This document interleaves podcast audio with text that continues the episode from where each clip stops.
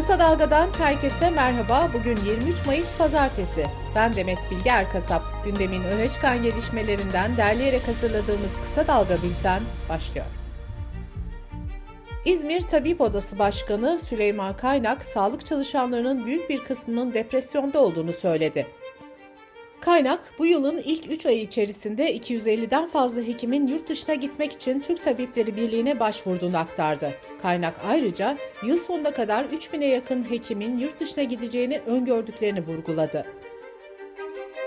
İyi Parti Genel Başkanı Meral Akşener partisinin 100 bininci üye katılım programında konuştu. Akşener, İstanbul'da da Türkiye'de de birinci parti olacaklarını ve kendisinin de başbakan olacağını belirtti. Akşener, iftiralarla pranga vurmaya çalışacaklar, uymayacaksınız. Biz hedefe ayarlı top gibi seçimde birinci parti olmak için çalışacağız dedi. ABD Büyükelçiliği CHP'nin cumartesi günü Maltepe'de yaptığı mitingden önce vatandaşlarını polis müdahalelerine karşı uyarmıştı. Büyükelçilik Türkiye'de daha önce yapılan protestolarda tazikli su, göz yaşartıcı gaz ve öldürücü olmayan mermiler kullanıldığını belirtmişti. Dışişleri Bakanlığı ve Emniyet Genel Müdürlüğü'nden de Amerika'daki Türk vatandaşları için benzer uyarı geldi. Uyarıda somut bir gösteri veya miting yer almazken şu ifadeler kullanıldı. ABD güvenlik birimleri her ne kadar önlem alıyor olsa da geçmişte yaşanan olaylarda gerçek mermi kullanıldığı, elektroşok uygulandığı, gazla müdahale edildiği ve şiddet eylemlerinin yaşandığı unutulmamalıdır. Ancak Türkiye'nin hamlesi bununla sınırlı kalmadı. ABD Büyükelçisi Jeff Flake Dışişleri Bakanlığı'na çağrıldı. CHP mitingi öncesinde yayınlanan uyarıdan duyulan rahatsızlık Büyükelçi'ye iletildi. Diplomatik kaynakların aktarımına göre Dışişleri Bakanlığı sanki önemli bir problem varmış izlenimi yaratılmasının kabul edilemez olduğunu söyledi. Cumhurbaşkanı Recep Tayyip Erdoğan 29 Mayıs İstanbul'un fethi kutlamalarının bu yıl Atatürk Havalimanı'nda yapılacağını duyurmuştu. Yapı Yol Sen Genel Merkezi'nin açıklamasına göre Çevre Şehircilik ve İklim Bakanlığı'na bağlı il müdürlüklerinde çalışan kamu emekçilerine törene katılmalarının zorunlu olduğu iletildi. Sendika alkış memuru değiliz diyerek tepki gösterdi. Tarım Bakanlığı zehirli 16 tarım ilacının kullanımını birkaç yıl önce yasaklamıştı. Yasak kararına rağmen zehirli ilaçların imha edilmediği ve hala kullanıldığı belirtildi. Hürriyet gazetesinden Nuray Babacan'ın haberine göre Avrupa Birliği ülkeleri bazı sebze ve meyvelerde kansere neden olan ilaç kalıntısı bulunduğu için ürünleri iade etti. Geri gönderilen meyve ve sebzelerin imha edilmediği, birçoğunun reçel, turşu, meyve suyu olarak yurt içi piyasaya verildiği iddia ediliyor. AKP'nin Adana'da düzenlediği gençlik şölenine katılanları taşıyan otobüs Niğde'de şarampole devrildi. Kazada 3 genç hayatını kaybetti, 41 kişi yaralandı.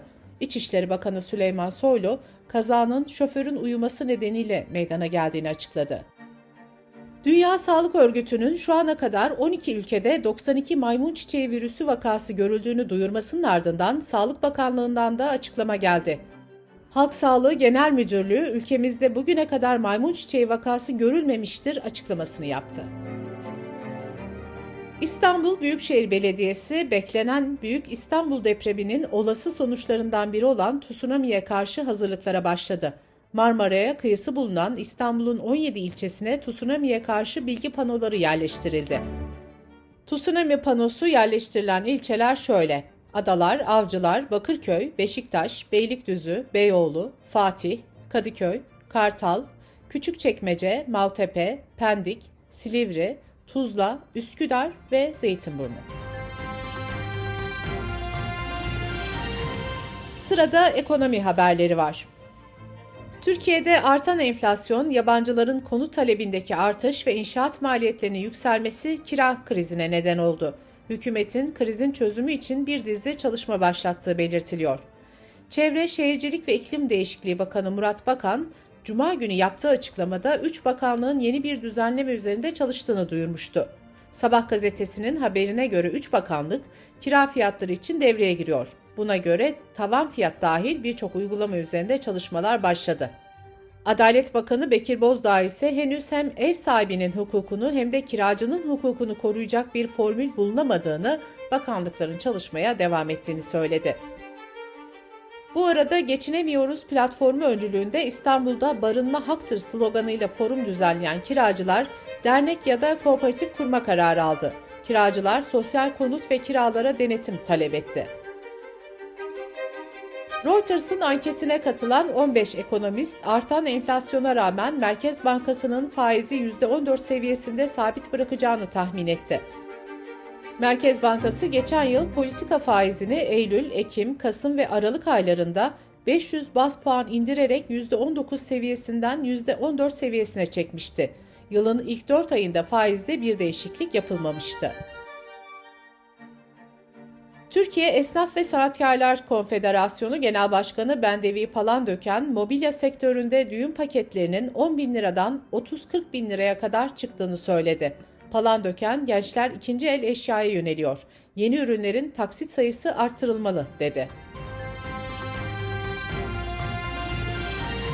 Dış politika ve dünyadan gelişmelerle kısa dalga bültene devam ediyoruz. Rusya Dışişleri Bakanlığı ülkeye giriş yasağı getirilen 963 ABD vatandaşının isimlerinin yer aldığı bir liste yayınladı. Listede ABD Başkanı Joe Biden, Dışişleri Bakanı Blinken'ın yanı sıra CIA Direktörü William Burns de yer alıyor. Dışişleri Bakanı Mevlüt Çavuşoğlu çarşamba günü İsrail'e gidecek. Bu Türkiye'den Dışişleri Bakanı düzeyinde İsrail'e 15 yıl sonra yapılacak ilk ziyaret olacak. Çavuşoğlu İsrail ziyareti öncesinde ise 24 Mayıs Salı günü Filistin'de temaslarda bulunacak. Suriye Dışişleri Bakanlığı, Cumhurbaşkanı Erdoğan'ın açıkladığı 1 milyon Suriyelinin Suriye sınırındaki güvenli bölgelere gönderilmesi projesine tepki gösterdi. Açıklamada asıl amaç sömürgecilik, güvenli bölge dedikleri aslında etnik temizlik ifadesine yer verildi. Avusturya Başbakanı Scott Morrison seçimde yenildiğini kabul ederek İşçi Partisi liderini tebrik etti. 2018'den bu yana Liberal Ulusal Parti koalisyon hükümetinin başbakanı olarak görev yapan Morrison'ın yarışı kaybetmesiyle yaklaşık 10 yıllık muhafazakar hükümet dönemi de sona ermiş oldu. Ukrayna Savaşı dünyanın az sayıda ürüne bağımlı yaşaması ihtimali de beraberinde getirdi. Mahsul miktarının azaldığı ve temel gıda fiyatlarının hızla yükseldiği dünyada iklim krizinin de etkisiyle ağır gıda şokları yaşanabileceği belirtiliyor. İngiltere'deki bilim insanları 2050 yılında kahvaltı sofralarında sahte muz veya pandanus ağacı meyvesi görülebileceğini belirtiyor. Uzmanlara göre baklagiller de geleceğin gıdaları arasında yer alacak.